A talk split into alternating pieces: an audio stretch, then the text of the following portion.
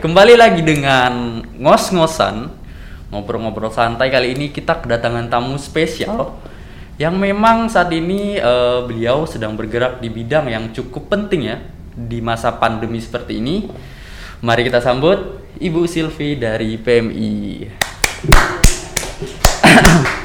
Ibu, eh, Ibu Silvi eh, mungkin bisa kenalin dulu lah sama kawan-kawan penonton sebenarnya Ibu Silvi ini siapa, sedang bergerak eh, di dinas apa dan lain mungkin Ibu bisa kenalin diri, entah kesibukan dan lain-lain Ibu. Oke, baik, selamat sore.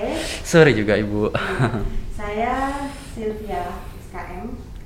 Eh, saat ini saya bekerja di unit donor darah PMI Kota Pontianak mengepalai bidang pelayanan darah ya. Mm-mm. Jadi keseharian saya memang bergelut dengan donor darah dan darah di laboratorium. Dengan itu, dan saya sudah mulai bekerja sejak tahun 89. 89 Kalian udah berapa? Lahir ya. Ya. Kita kelahiran 2000. Berarti dari du- 8 tahun 1989 udah masuk Sudah, PMI itu baru Iya. Masuk PMI. langsung berarti udah berapa tahun ya? Kira-kira udah 32 tahun ya? 32 tahun di bidang yang memang sama Ibu. Iya. Berarti bisa dipanggil eh, apa ya? Suhu mungkin. mungkin bahasa-bahasa kawan-kawan sekarang udah apa? eh, senior lah, Bu. Iya. seperti senior itu. Oke, PMI Palang Merah Indonesia. Sebenarnya eh, kawan-kawan ini just, dan saya sendiri justru saat ini taunya PMI eh, apa stigma sekarang PMI tempat donor darah. Iya. Tapi sebenarnya mungkin apakah eh, PMI memang punya bidang yang dilayani tertentu atau bagaimana Ibu? Secara umumnya PMI itu memang bergerak di bidang Ya. apa seperti apa? Sebenarnya PMI itu awalnya kan bergerak di bidang kemanusiaan yang menangani bencana-bencana Bencana, alam ya. uh-uh. Itu yang yang bergerak di situ. Nah, kemudian arah ke sininya dipercayakan oleh pemerintah untuk eh, menangani masalah eh, kesehatan seperti pelayanan darah ya.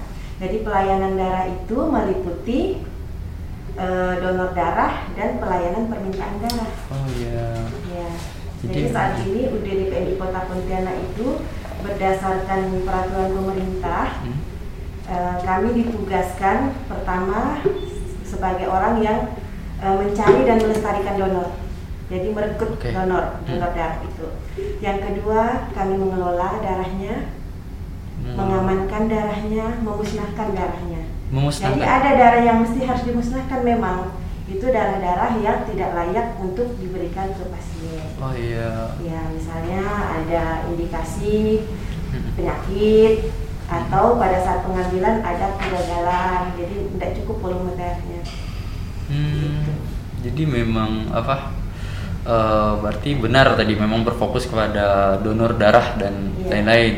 Karena di sini juga memang harus ditekankan ya tadi eh, tugas PMI tidak hanya mengambil sampel ya bu ya, ada penyimpanan. penyimpanan, eh, Testing penyampaian, ya, distribusi rumah sakit. Oke, jadi eh, apakah ada itu ibu? Eh, tadi kan katanya ada pemusnahan dan lain. Apakah ada kerjasama dengan dinas-dinas tertentu sih Bu, untuk PMI? PMI ini saat ini? PMI memang dia harus bekerja sama dengan dinas-dinas yang memang berhubungan. Hmm. Misalnya seperti dinas kesehatan ya, kita kan di bawah Kementerian Kesehatan. Oh di bawah Kementerian Nah, Kesehatan iya, tetap langsung di bawah eh, di bawah pengawasan Kementerian Kesehatan ya. Mm-mm. Karena kita bergerak di bidang kesehatan Mm-mm. dan pemerintah daerah.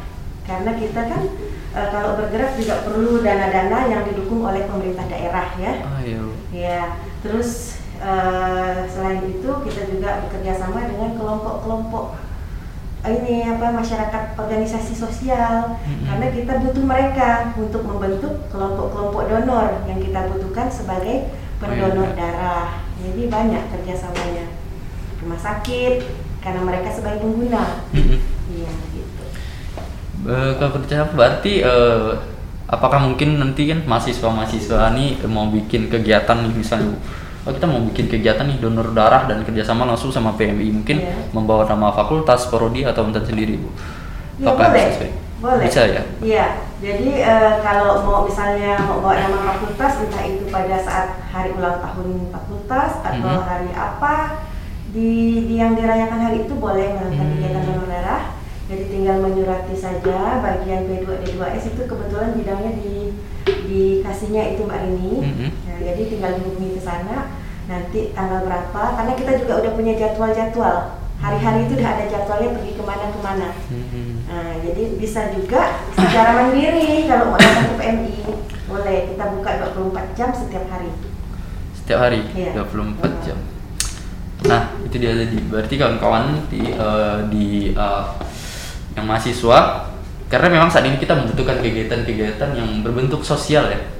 Pandemi juga mengajarkan kita bahwa kita harus saling menghargai antar sesama manusia dan lain-lain. Nah, mungkin kawan-kawan di sini mahasiswa yang berbeda prodi nanti setiap fakultas silakan datang ke PMI ya langsung Bu ya Boleh. untuk mengadakan kerjasama dan harapannya ya memang ya mahasiswa lah harusnya aktif ya Bu ya punya tenaga dan power yang masih berlebih nih anak-anak muda ini harusnya tetap bersinergi dalam eh, membantu masyarakat lah. Oke Ibu Silvi, eh, ini ada se- pandemi nih Bu ya. Mm-mm. Sekarang kita memang udah dua, dua tahun ya Bu. Dua tahun lah ya. Hampir dua tahun. Hampir dua tahun. Nah, daripada itu saat pandemi ini eh, kita taunya setiap bidang kan memang merasakan kesulitan ya, Bu ya. Kesulitan dan hambatan ya. Tidak hanya bidang kesehatan namun pendidikan juga semua bidang dan ini merupakan hal baru. Nah, saat ini fokus PMI ketika pandemi apakah memang ada secara khusus dan itu bagaimana, Bu? Gerak-gerik mungkin dan lain-lain. Ya. Jadi kalau di masa pandemi yang terasa benar itu kan menurunnya donor darah ya. Menurun ya? Jadi donor darah kita menurun, sementara permintaan darah itu tidak ada turun-turunnya, malah cenderung meningkat karena dengan bertambahnya kasus, Mm-mm. betul kan? Iya. Nah, tugas kita beratnya di situ, menyiapkan darah. Sementara pada saat pandemi ada yang namanya social distancing, ya, Oke. ada yang namanya ppkm. Iya. Jadi harus dijaga jarak atau anak-anak sekarang yang jadi misalnya kuliah harus online, ada yang tempat. Jadi eh, kita mencari pendonor itu jadi agak lebih sulit. Kita mendapatkan pendonor tapi dibatasi jumlahnya yang berdonor berapa, kan?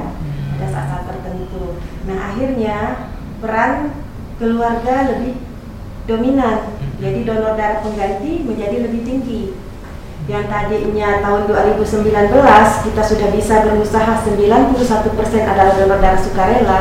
Di tahun 2021 sekarang sampai bulan Juli ini donor darah sukarelanya tinggal 70%. Kurang drastis. Ya, jadi sangat turun ya. Itu jadi banyak sekali pengaruhnya. Jadi ketersediaan stok yang kurang, akhirnya kita juga dalam melayani permintaan darah menjadi agak terlambat. Ya, jadi pasien yang misalnya harus dapatnya begitu datang ke PMI darahnya tersedia cepat, itu harus nunggu dulu karena kita harus cari dulu donornya. Iya.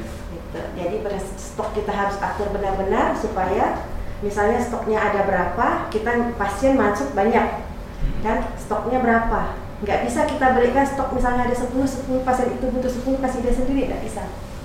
Jadi stok ini kalau dia butuh berapa, tapi kita hanya beri separuhnya dulu. Karena yang ini sisihkan dulu untuk yang lain. Nah, karena dalam kita yang penting menolong dulu, bantuan pertama dulu. Setelah itu baru kita cukupi. Berarti lebih ke manajemennya emang. Iya, kita harus harus pintar-pintar ngelihat gitu. Heeh. Jadi kan ada pasien yang memang kalau indikasi di rumah sakit mendiagnosa apa, jadi kita tahu pasien yang mana yang harus didahulukan. Gitu. Kalau operasi persiapan berarti kan persiapan untuk berapa hari. Jadi dia tidak dulu kasihkan dulu yang saya melahirkan perdarahan itu dulu yang didulukan.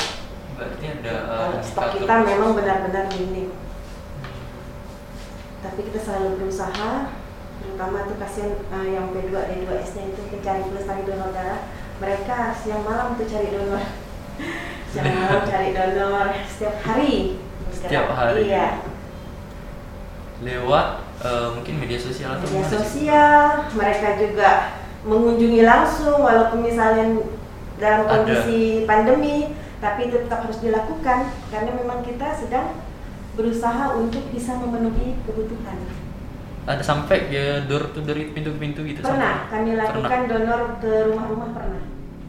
Pada saat pandemi, awal-awal pandemi ya. Pada saat awal-awal pandemi, jadi eh, pendonornya kami datangi ke rumah. Masya Allah. Ini luar biasa sekali, Bu. Luar biasa sekali eh, perjuangan eh, dari PMI ini mungkin kawan-kawan tadi sudah mendengar ya bagaimana susahnya eh, ibu-ibu dan bapak-bapak mungkin dan ada kawan-kawan yang sedang bergerak di bidang yang sama dalam berjuang lah menghadapi pandemi ini. Ya. Harapannya juga buat eh, kawan-kawan nanti Bu bisa kawan-kawan mahasiswa ini jika ingin terlibat seperti apa sih Bu ke dalam PMI ini? Kami berharap Hmm. mahasiswa kan selama ini juga mahasiswa sebenarnya sudah mulai kita udah punya kelompok donor darah mahasiswa itu udah 59 kelompok loh Oh. yang tercatat di bagian saya yang aktif berdonor Oh. dia setahun sekali dua kali setahun tiga kali ada yang tiga bulan sekali Tiga bulan sih. ya itu dari kelompok mahasiswa baik itu fakultas universitas ataupun kelompok Oh. organisasinya Iya iya iya. kan ada organisasi-organisasi lah seperti KSR atau apa Himasi, Hmm. Himajen gitu kan. Nah, jadi mereka itu memang udah rutin menjadi pendonor. Hanya memang pada saat pandemi ini mereka tidak bisa terlalu aktif Iya. karena ya itu tadi tidak kuliah kan. susah mengumpulkan Masanya, orangnya, ah. masanya susah. Nah, dari itu dari mahasiswa sebelum-sebelumnya eh, untuk pendonor kami dalam satu tahun mereka bisa menyumbangkan sekitar 6% itu dari mas kelompok mahasiswa yang berkelompok Hmm. yang mandiri lain lagi yang datang terus-terusan itu lain lagi Iya. Berarti eh, bisa dikatakan cukup penting lah Iya. ya peran-peran mahasiswa sekarang. Iya. Oke, eh, ngomong-ngomong soal juga donor darah sama mahasiswa, mungkin ada yang pribadi dari gue, pribadi datang langsung, memang sukarelawan. Pas pandemi gini, apakah ada memang prosedur khusus yang diberlakukan saat pandemi, Bu? Kan Iya. sebelumnya kan kita pakai betul jadi sebenarnya eh, khusus-khusus benar juga enggak ya Ah. protokol kesehatannya sebenarnya sudah kami lakukan Ah. sebelum pandemi juga seperti itu Hmm. ya dan dilakukan jadi eh, cuci tangan cuci tangan Iya. itu dari depan masuk itu protokol kesehatan kan Mhm. suhu suhu sebelum pandemi juga setiap donor sudah kami periksa suhu Hmm. ya sebelum berdonor mereka sudah periksa suhu dulu karena memang berdonor kan harus sehat Mhm. nah kalau dia lagi demam ya tidak boleh donor Iya. Gitu. jadi walaupun dia tidak masa pandemi dan setelah itu setelah diperiksa si pendonor juga tetap harus cuci lengan jaga jarak jadi semua sudah kami siapkan petugas juga menggunakan alat APD yang lengkap dan Hmm. steril Berarti mah tetap prokes ya prokes tetap dijalankan dengan eh, untuk teknis-teknisnya juga masih sama ya seperti Ya. sama Apakah eh, ada daftar mungkin bu, daftar online atau gimana itu bu? Apakah Apa memang ya? ada prosedur eh, baru? Sebelumnya donor, donor Ah, ah, online ah. untuk sampai saat ini belum kita belum sampai ke situ ya Belum donor online belum ada Hmm. belum daftar online karena kita sistemnya juga masih sistem donor darah kita sistemnya sistem donor darah sim yang namanya sim dondar Ah. itu memang sudah Indonesia itu yang udah nasional. Hmm. Uh, jadi memang masih saat ini masih datang dulu sampai lagi oh datang dulu belum bisa kita online kan Hmm, mudah-mudahan nanti ke sana bisa. Diusahakan. Mudah-mudahan kawan-kawan mahasiswa yang punya ide dan mungkin Nah, ah, ide ya. Teknis mungkin punya punya cara tersendiri ya bisa kita masukan. Siap, siap, siap. Mungkin bisa bekerja sama nanti kan mungkin kawan-kawan di informatika kan nih bisa bikin aplikasi dan Ya. lain mungkin ya bu. Sebelumnya pernah ada, Pernah ada. ada aplikasi itu, tapi nggak tahu saya juga nggak jalan nggak jadi. Walaupun kita sudah siap untuk Nggak ya, selesai.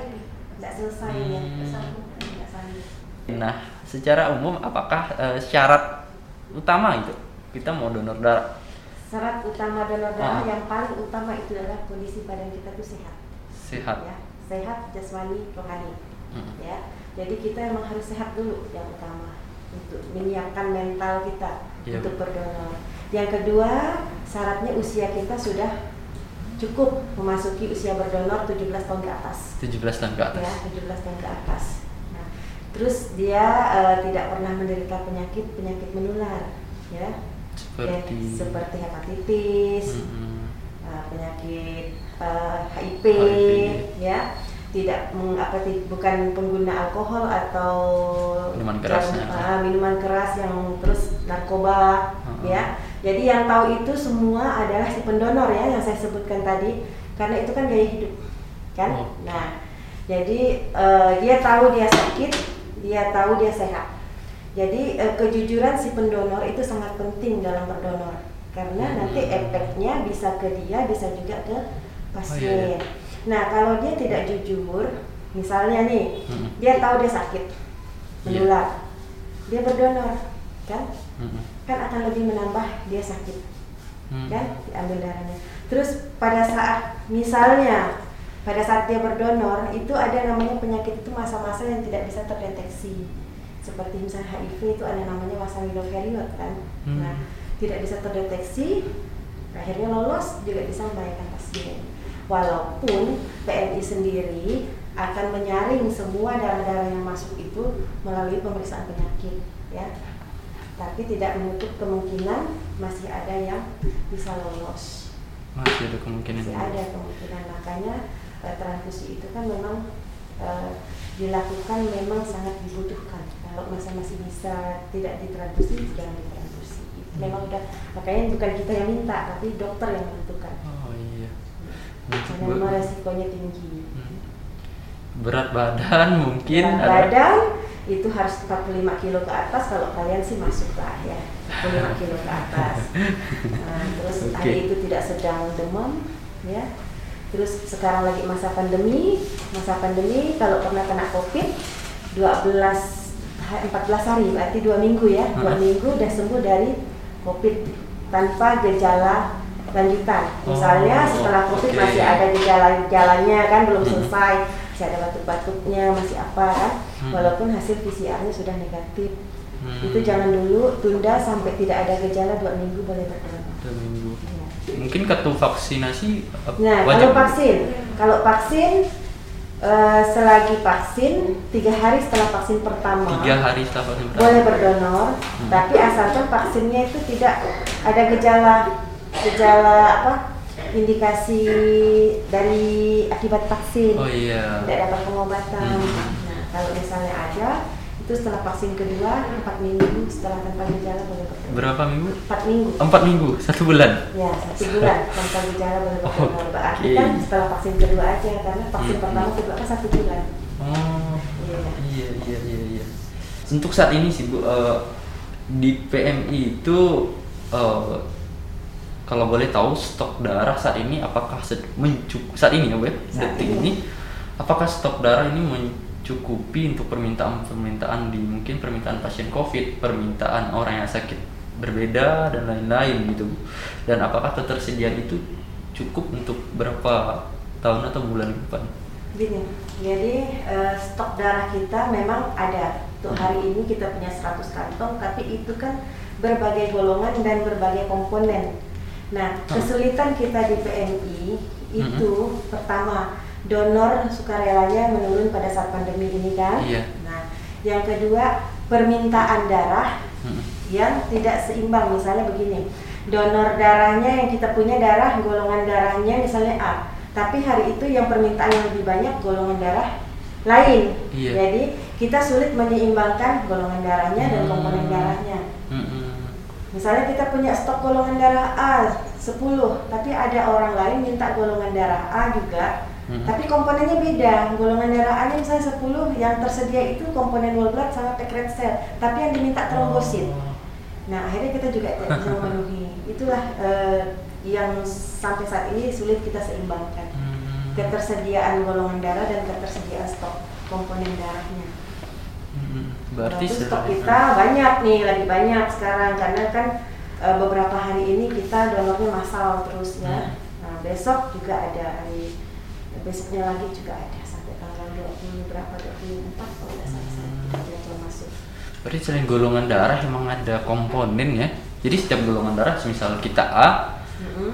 nggak bisa sembarangan ke transfer ke yang A gitu iya hmm. jadi kan gini uh, golongan darah itu golongannya golongan darah yang dimiliki masing-masing uh-huh. orang pada saat donor darah golongan darah A kita ambil darahnya dalam bentuk bulat darah lengkap lengkap mm -hmm. itu kantong darah. Mungkin adik-adik bisa lihat nanti pada saat pengambilan donor itu ada darah yang kantongnya dua, ada darah kantongnya tiga, kan? Hmm. Apa apakah kita diambil dua kantong atau tiga kantong? Tidak, kita hanya diambil satu kantong, hmm. ya. Nanti diambil satu kantong 350 cc itu akan diproses di laboratorium diperiksa dulu diamankan dulu ada ada penyakit penyakitnya atau tidak diperiksa dulu ya setelah lolos darahnya aman sehat Hmm. barulah kita buat dipisahkan komponen darahnya Hmm. jadi dibuat diambil sel darah merahnya saja, diambil cairan darahnya Hmm. saja, diambil trombositnya saja atau disimpan dalam bentuk darah lengkap. Nah, itu nanti dari rumah sakit dokternya akan meminta darah sesuai dengan eh, indikasi yang dibutuhkan oleh pasien. Hmm. Pasiennya misalnya untuk perdarahan. Hmm. Perdarahan berarti kan darahnya keluar semua, lengkap semuanya keluar. Namanya juga perdarahan kan. Berarti yang Darah lengkap. darah lengkap. Kemudian untuk mengembalikan volume darah dalam tubuhnya. Hmm. Tapi kalau misalnya dia hanya anemia, Hmm. kurang darah, Hmm. Nah itu berarti kita harus naikkan HB-nya yang dibutuhkan hanya sel darah merahnya saja, Hmm. sel darah merahnya. Nah kalau pada pasien-pasien seperti apa namanya eh, D- DBD, Iya. kan, dia perlu faktor pembekuan darahnya yang banyak diperlukan adalah trombosit. Oh. Nah, kesiapan kita menyiapkan itu kan juga eh, tidak bisa mencukupi kebutuhan itu tadi. Hmm, hmm. Karena permintaannya beda-beda. donor darah plasma convalescent ya. Nah itu saya pernah dengar itu apa sih bu sebenarnya bu? Ya. Donor plasma convalescent Ah, ah. itu adalah donor yang diambil dari penyintas COVID. Jadi orang yang sudah sembuh dari COVID-19 Iya. ya, sudah dinyatakan sembuh itu loh dengan hasil PCR-nya udah bisa berapa kali negatif, Hmm. dia bisa berdonor untuk pasien COVID. Nah, diambil plasma darahnya saja, ya. Jadi yang diambil itu hanya plasmanya. Jadi banyak pemeriksaannya itu bukan hanya dia udah negatif, tapi ada lain-lain lagi syarat-syarat yang harus dipenuhi untuk berdonor. Jadi kalau kita yang tidak kena COVID nggak bisa donor, karena yang dibutuhkan adalah an- antibodi di dalam darahnya itu. Oh iya. Nah itu pun masanya tidak lama, paling dia bisa berdonor sampai enam bulan saja. Bulan itu pun dalam enam bulan kalau titer antibodinya masih mencukupi. Kalau misalnya titer antibodinya sudah tidak mencukupi lagi untuk didonorkan, misalnya sudah turun, Iya. dia kan satu berapa satu banding 80 seperti 80 kalau tidak salah saya. Dan dia bisa berdonor. Ada indikatornya juga. Iya, ada indikator. Jadi ada pemeriksaan pemeriksaannya. Eh, orang ini layak masih. Ya, jadi ada ada syarat-syaratnya. Selain syarat berdonor yang sudah biasa, ada tambahan lagi syaratnya. Oke. Dan Pemeriksaannya. dan ini baru ya Bu? Eh, selama masa covid ini, baru. ya Dan PMI Pontianak juga pastinya ma- melayani. kita tidak melakukan karena kebetulan memang kita nggak memiliki alat. Oh, ada alat khususnya? Ya, ada alat khusus. Saat ini yang bisa melayani rumah sakit Sudarso. Di Pontianak Rumah Sakit Ya, Sudarso. Sudarso. Oke bu, eh jadi udah eh, ngomongin itu masa masih ke untuk teman-teman yang takut untuk donor darah, takut sama jarum suntik, takut nanti pingsan. eh sebenarnya manfaat ya, kalau kita melihat negatifnya terus ya kita tidak mungkin mencoba ya. Positifnya kawan-kawan nih nanti mungkin yang mau donor darah positif dari donor darah sendiri itu apa sih bu untuk mungkin Eh, kesehatan dan lain-lain Positifnya itu yang pertama Manfaat, tentu ya eh, kita meregenerasi sel-sel tubuh kita kan Oke. sel darah itu kan di, diperbaharui terus Hmm. dengan berdonor akan membuat sel darah merah sel yang baru. Ah, Nah itu ya. Terus eh, kita juga eh, mengurangi kadar zat besi di dalam darah Hmm. juga karena kan kita ambil. hmm. Kalau kelebihan kadar zat besi juga kan nggak baik, ya itu bisa Hmm. menimbulkan apa eh, apa namanya itu di dalam pembuluh darah. Jadi dia bisa menyebabkan penyakit darah tinggi ataupun jantung, kan? Bisa Ya, menyebabkan. kardiovaskular. Nah, yang ketiga tentu yang paling eh, cepat di- yang dirasakan itu adalah secara psikologis. Kita kan psikologis psikologis kita menolong orang kita jadi senang, rasanya bugar, enak Ah, kan? ah, Nah, ah. pikiran kita tenang gitu. Dan juga mendapat pemeriksaan kesehatan gratis. Begitu datang udah dicek tensinya, HB-nya berapa. Jadi kalau kalian sakit, HB-nya rendah udah ketahuan duluan. Dan nanti di laboratorium juga diperiksa dengan empat macam penyakit, HBsAg, Hmm. HCV, HIV, sifilis. itu yang yang saat ini memang diperiksa di kita di PMI. Nah kalau ketahuan misalnya dengan reagen kita ada reaksi, jadi Hmm. kita bukan bilang positif ya, Iya. jangan. Jadi kalau misalnya di PMI saya donor ada reaksi saya positif bukan. Jadi kita hanya menyaring. Ah. Kalau ada reaksi dengan salah satu reagen kita, akan kita panggil untuk diperiksa ulang. Itu ada Hmm. dokternya yang konseling. Hmm. Nanti kita arahkan untuk diperiksa lebih lanjut. Ya. Hmm. Jadi bisa lebih awal kita mengetahui ada gejala. Dan itu gratis. Gra- Di PMI Ah. gratis. Kalau di PMI gratis periksanya. Hmm. Eh, berapa kalau saran dari Ibu Silvi sendiri yang bergerak di bidang ini berapa bulan sekali atau ada berapa tiga bulan sekali yang harus rutin memang untuk kesehatan? Kalau eh, berdasarkan peraturan eh, Kementerian Kesehatan ya, Iya. Permenkes 91 bisa berdonor darah 8 minggu setelah donor darah sebelumnya. 8 minggu ke atas. Jadi 8 minggu. yang kami karena ada sistem sindondar, biasanya kami Iya. sudah mengingatkan si pendonor, Anda sudah bisa berdonor. Pas 8, 8 minggu berarti 2 bulan ya, Ah. udah dapat SMS, udah PMI. Oh iya, ada. Ya, Ah, ah, ah. udah bisa berdonor. Ah. Jadi kalian udah bisa nyiap-nyiapkan lagi nih. Mungkin dalam satu minggu mau datang langsung juga boleh. Dalam satu minggu mungkin Hmm. siapkan lagi mungkin karena dalam minggu-minggu pas waktunya donor saya lagi capek, banyak kerjaan, banyak tugas kuliah, Hmm. ya siapkan. Tapi udah bisa berdonor di atas 8 minggu. Kira-kira eh, apakah ada se yang ingin Ibu sampaikan kepada masyarakat dan mahasiswa mungkin dari Ibu sebagai kepala eh, apa tadi kepala bidang Bagian pelayanan. di wilayah Kota Pontianak. Apa sih yang ingin ibu sampaikan dan dihimbau kepada masyarakat di masa pandemi ini eh, tentang donor darah Eh, saat ini memang kebutuhan darah eh, sangat urgent. Dikatakan urgent karena memang tidak ada pengganti darah. Jadi tidak ada yang namanya darah sintetis itu tidak bisa dibuat kan. Iya. Yang didapatkan memang hanya dari darah manusia untuk ditransfusikan ke manusia lain ke orang ke manusia yang lain. Itu sama dengan transplantasi kan memindahkan organ Hmm, tubuh hmm. ya. Jadi saya berharap uh, para mahasiswa lebih dapat lebih banyak lagi dapat ikut berpartisipasi dalam kegiatan donor darah yang diadakan oleh UDD PMI baik itu di mobil unit ataupun datang sendiri ke UDD PMI karena memang darah tidak mencukupi tapi kebutuhan darah tidak bisa ditunda. Pasien minta terus kebutuhan banyak kan? Tapi darah kita tidak mencukupi. Jadi itu jangan takut untuk berdonor karena donor itu aman ya. Donor itu em, sehat bisa menyehatkan dan donor juga bisa menyelamatkan jiwa ya. Iya. Iya. Jadi tidak ada istilahnya sebagai pendonor kita tidak perlu ada makanan ekstra atau kebutuhan ekstra untuk untuk menjadi pendonor ya. Karena sebagai pendonor kalian adalah pahlawan. Pahlawan kemanusiaan. Untuk seseorang mungkin di suatu tempat ya yang kalian tidak kenal tapi kalian bisa menyelamatkan jiwa mereka ya kita tidak tahu suatu hari kita juga tidak tahu apakah dia saudara kita kan Hmm.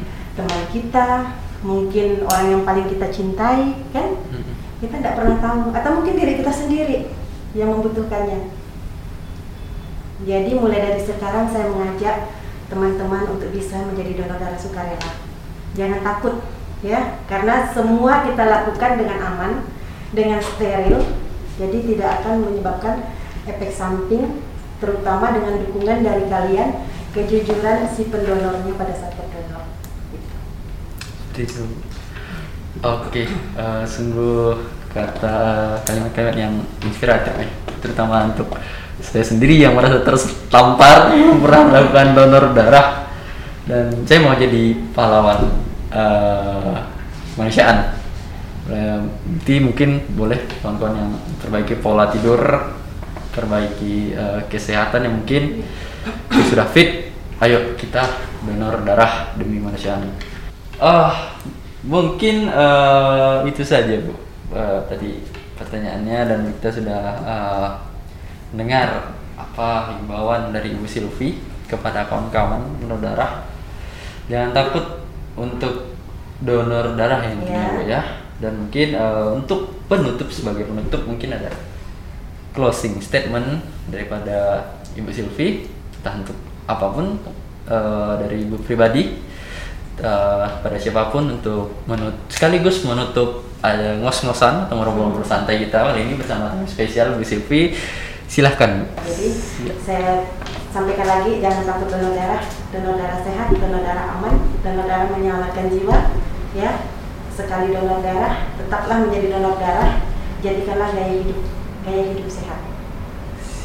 Terima kasih. Oke, sama-sama. Itu uh, mungkin closing statement dari Ibu Silvi. Kita juga dari Mas Ngosan dan tim Bu mengucapkan terima kasih kepada Ibu. Dan sebagai uh, kata penutup dari saya, saya Fikri Zianafri sebagai host Mas Ngosan uh, tentang Palang Merah Indonesia. Kita sudah melihat secara khusus ya. Mudah-mudahan video ini bermanfaat. Stay tune di YouTube channel kita dan Spotify dan lain-lain. Ditunggu untuk ngos-ngosan episode keduanya, ngos-ngosan ngobrol-ngobrol santai.